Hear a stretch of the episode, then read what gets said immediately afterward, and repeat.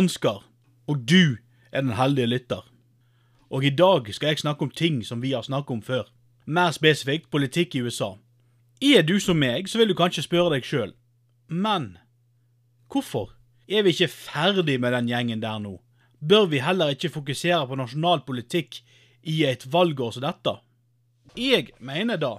Jeg mener at det er viktig å fokusere på nasjonal politikk i et valgår, men det triste er at det eneste spennende som har skjedd i norsk politikk på en stund, utenom diverse opp- og nedstegninger som følge av covid-19, er at Siv Jensen overraskende trakk seg som leder for Frp. Hun pekte på Sylvi Listhaug som sin etterfølger, og Listhaug måtte da gå ei runde med seg sjøl på ting hun har sagt tidligere. En av de store diskusjonene som har vært i Frp, har handla om i hva retning de skulle gå i for å få mer og flere stemmer. I et intervju med Finansavisen sommeren 2020, nærmere bestemt 26. fortalte Geir Ugland Jacobsen at han ville at Frp skal være et nasjonalkonservativt, eller som han sier da, et nasjonalliberalistisk parti. Han bruker nasjonalliberalisme som synonym for nasjonalkonservativ. Bare det i seg sjøl er jo imponerende. Men han fikk gjennomslag for at Oslo Frp skulle bli et patriotisk fyrtårn. I det samme intervjuet så sådde han tvil om Siv Jensen som sjølskreven toppkandidat til Stortinget fra Oslo. Han ble så ekskludert fra Oslo Frp noen måneder senere. Dette, denne ekskluderinga er utgangspunkt for et intervju som ble gjort med VG den 16.12.2020, altså før Jensen trakk seg, der Listhaug blir sitert på følgende måte. Ordet nasjonalkonservatisme minner om nasjonalsosialisme. Det var på lenge det siste ordet vi hørte om dette. Men før Siv Jensen trakk seg, ble det skrevet en sak i både Aftenposten og NRK den 9. februar 2021 som henviste følgende. Under Politisk kvarter i NRK tirsdag, dvs. Si samme dag, sier Jansen at det er greit å kalle seg nasjonalkonservativ i Frp. Jeg mener det er helt greit, så lenge man erkjenner Frp er et liberalistisk folkeparti som er opptatt av å ivareta det som til enhver tid står i vårt partiprogram, var hennes eksakte sitat. Videre så pekte Jensen på at Sylvi Listhaug har beklaga at hun brukte så sterke ord i saken før jul. Så, torsdag 18. februar, varsler Siv Jensen at hun går av som partileder på landsmøtet i mai. Blant annet fordi hun har kjent på nødvendigheten av å rydde opp i partiet før hun kunne forlate posten som leder. Fredag 19. februar stiller Listhaug og gjengen til pressekonferanse klokka ti, der Listhaug understreker at hun både unnskyldte og beklagde sitt harde oppgjør med partikollegaer som kalte seg for nasjonalkonservative. Hun bedyrer at hun aldri hadde ment å assosiere dette begrepet med nazisme, og sa at de var hjertelig velkommen tilbake, med unntak av de som er ekskludert, som den tidligere lederen i Oslo Frp, Geir Ugland Jacobsen. Som jeg sier, er dette det mest spennende som har skjedd i norsk politikk, med unntak av stadig nye pressekonferanser om korona. På mitt personlige plan så har jeg for øvrig vært opptatt på andre fronter en stund, så jeg har ikke fått laga så mange podkaster som jeg har planlagt, og da beklager jeg. Jeg har planer på mange podkaster, men jeg har ikke fått lagd så mange ennå. Men i USA er det andre boller.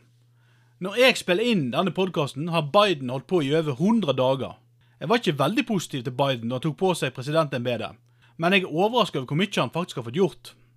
Mye av Bidens første 50 dager har vært fokusert på å få gjennom det de kaller for The 1.9 Trillion COVID-19 Relief Package. Det har òg vært snakk om å få ut en engangssum til alle amerikanere. Det var òg, i tillegg til dette, ønska inn en betraktelig økning av minimumslønna opp til 15 dollar i timen osv. Sistnevnte, økning av minimumslønna, falt vekk slutt fra den pakken. Pakken ble utenom minimumslønna signert torsdag 11. mars av Biden, så den er blitt vedtatt og skal nå ut. Det som er interessant er at Dette er en pakke som ifølge meningsmålene blir støttet av 61% av alle amerikanere.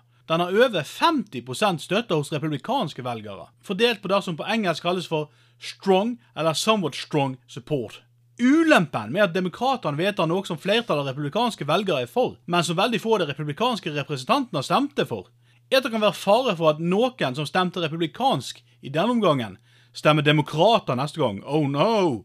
Dermed må det være noe annet som kan trekke dem tilbake til republikanske skjød. Hva har de landa på der? Å jo, nå har jeg, tenkt mye, de har tenkt hardt, de har tenkt lenge. De har kommet fram til at uh, vi, har, vi, har, vi, har, nøkkelen til å få flere republikanske velgere.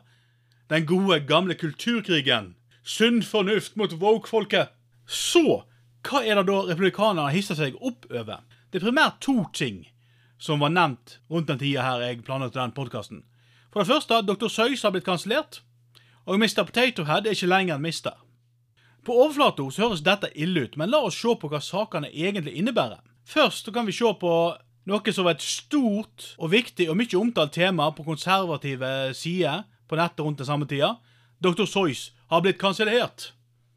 Men det den saken handler om, er at Dr. Soyce Enterprises har trukket tilbake seks av bøkene som eh, Theodor Geisel, som vi kjenner som Dr. Soyce, har skrevet. Begrunnelsen er at det er tegninger i disse bøkene som kan ligne på klassiske rasistiske karikaturer. Bøkene det er snakk om, er And to think that I saw it on Mulberry Street, If I Ran the Zoo, McElligot's Pool, On Beyond Zebra, Scrambled Eggs Super and A Cat's Quizzer.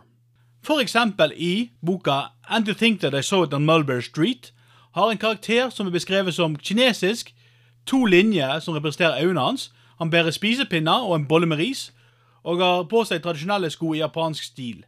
Disse her eh, sandalene med to pinner som går rett ned. En annen tittel, If I Ran the Zoo, så er det da en tegning av to menn fra Afrika. De er skjorteløse, de er skoløse, og de er iført et gresskjørt mens de bærer på et eksotisk dyr. Dr. Soys skrev over 60 bøker, og nå har seks av dem blitt tatt vekk fra markedet. Det var heller ikke noen av de mest populære bøkene han har skrevet, så det er ikke det største tapet for de som er opptatt av hans litterære arv. Men det som er flott, er at de nevnte bøkene nå går for store summer på eBay. Så her kan man faktisk tjene på det man oppfatter sensur. Hvem hadde vel trodd da? Dette ble som sagt slått opp om de mer konservative sidene som Fox News og lignende. Det var en av de heiteste potetene på ei god stund. I mellomtida har Biden fokusert på ting som har mer relevans for amerikanere flest, med vaksiner og noen form for støtteordning til folk flest. Nå er det også sånn at Republikanerne har jo forsøkt å framstille seg som et parti som er for folk flest, i anførstegn. Men det er jo interessant at de da virker å være særdeles lite interessert i ting som gjelder folk flest, og heller lage seg en eh, fantasifortelling der de henges opp i om påstått sensur. Eller interessant og interessant. Det jeg syns er ille med hele prosjektet, er at de i stedet for å arbeide sammen med demokratene for å få til denne store krisesituasjonen og håndtere den, så prøver de fortvilt å stjele velgere gjennom å servere den samme gamle, ferdigtygde skiten om at venstresida stadig og konstant prøver å sensurere en eller annen nasjonal kulturarv. Det er ingen på venstresida som snakker om å sensurere Dr. Soys.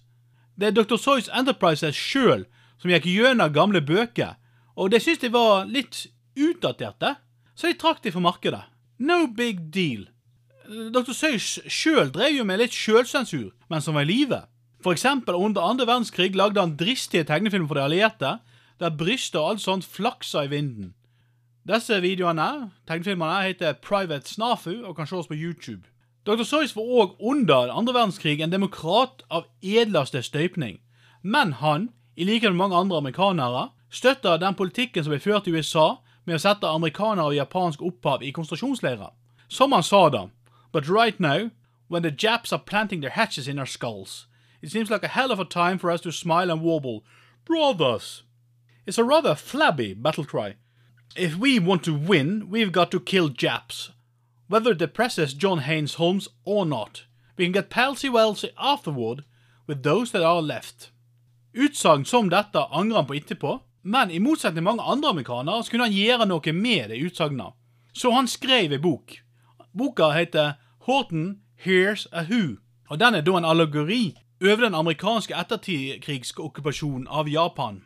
Når det gjelder dette med den påståtte sensuren, så er det heller ikke for første gang at konservative krefter har forsøkt å bruke noe av det Dr. Saus gjorde eller har gjort for å understreke sine poeng. I den nevnte boka om Horton blir følgende linje uttalt A person is a person no matter how small.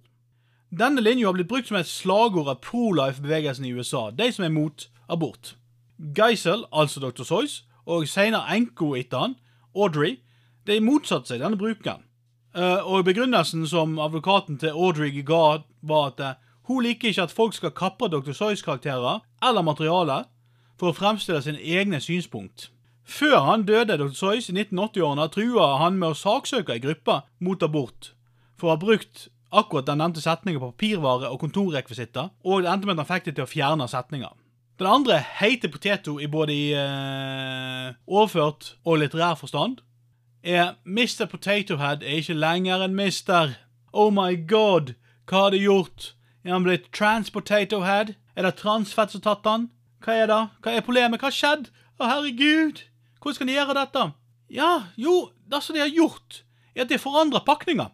De har forandret pakninger Mr. Potato Head Jimmy, sånn at det ikke står Mr. eller Mrs. Potato Head, men bare Potato Head, på de som produserer den nevnte produktet. På de samme pakkene så kan du òg få Mr. og Miss Potato Head på om du savner det så fryktelig. Det er to ting som er forskjellig på den moderne boksen framfor den tidligere boksen. Som jeg nevnte, i utgangspunktet så er det selve overhengende merket som heter Mr. Potato Head. Det heter kun Potato Head nå. Men nede på pakken, der man finner det pakken inneholder, er det klart merka om det er en Miss eller Mr. Potato Head som er med. Du kan fint, om du ikke klarer å lese kjønnslige signaler, så kan du fremdeles lese på boksen og se om det er Miss eller Miss du kjøper.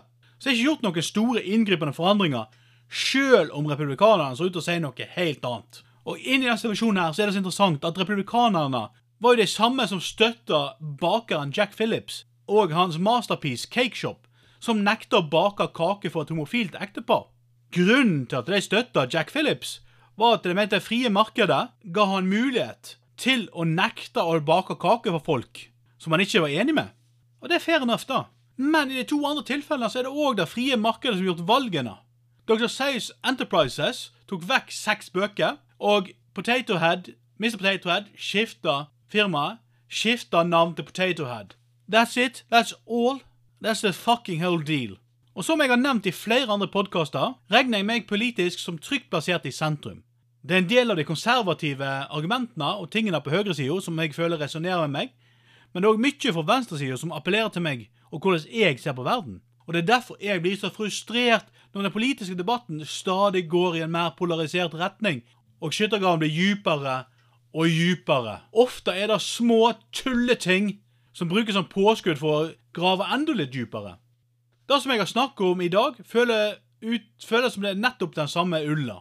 Beklageligvis ser republikanerne seg godt tjent med å lage en masse støy om irrelevante ting for å overdøve de mange bra tingene som Biden, igjen mot det jeg hadde forventa, har satt i gang i USA. Og da går vi litt tilbake til vi snakket om med norsk politikk, og jeg, jeg er litt bekymra for årets valg i Norge. Vi har allerede sett at flere norske parti de siste åtte årene ti årene har tatt retoriske knep for den politiske diskursen i USA, og jeg tror det blir enda mer sørgelig når det virkelig braker løs i år. Sylvi Listhaug har aldri sendt av gårde et varselskudd. Hun har begynt å vifte litt med offerkortet i det fjerne. Hun har et intervju med TV 2 der hun snakker om eh, utfordringene som hun har med at folk snakker stygt om henne og sånt. Hun sier denne drittslenginga den har blitt verre og verre, og det er en pris som kommer da å være politiker.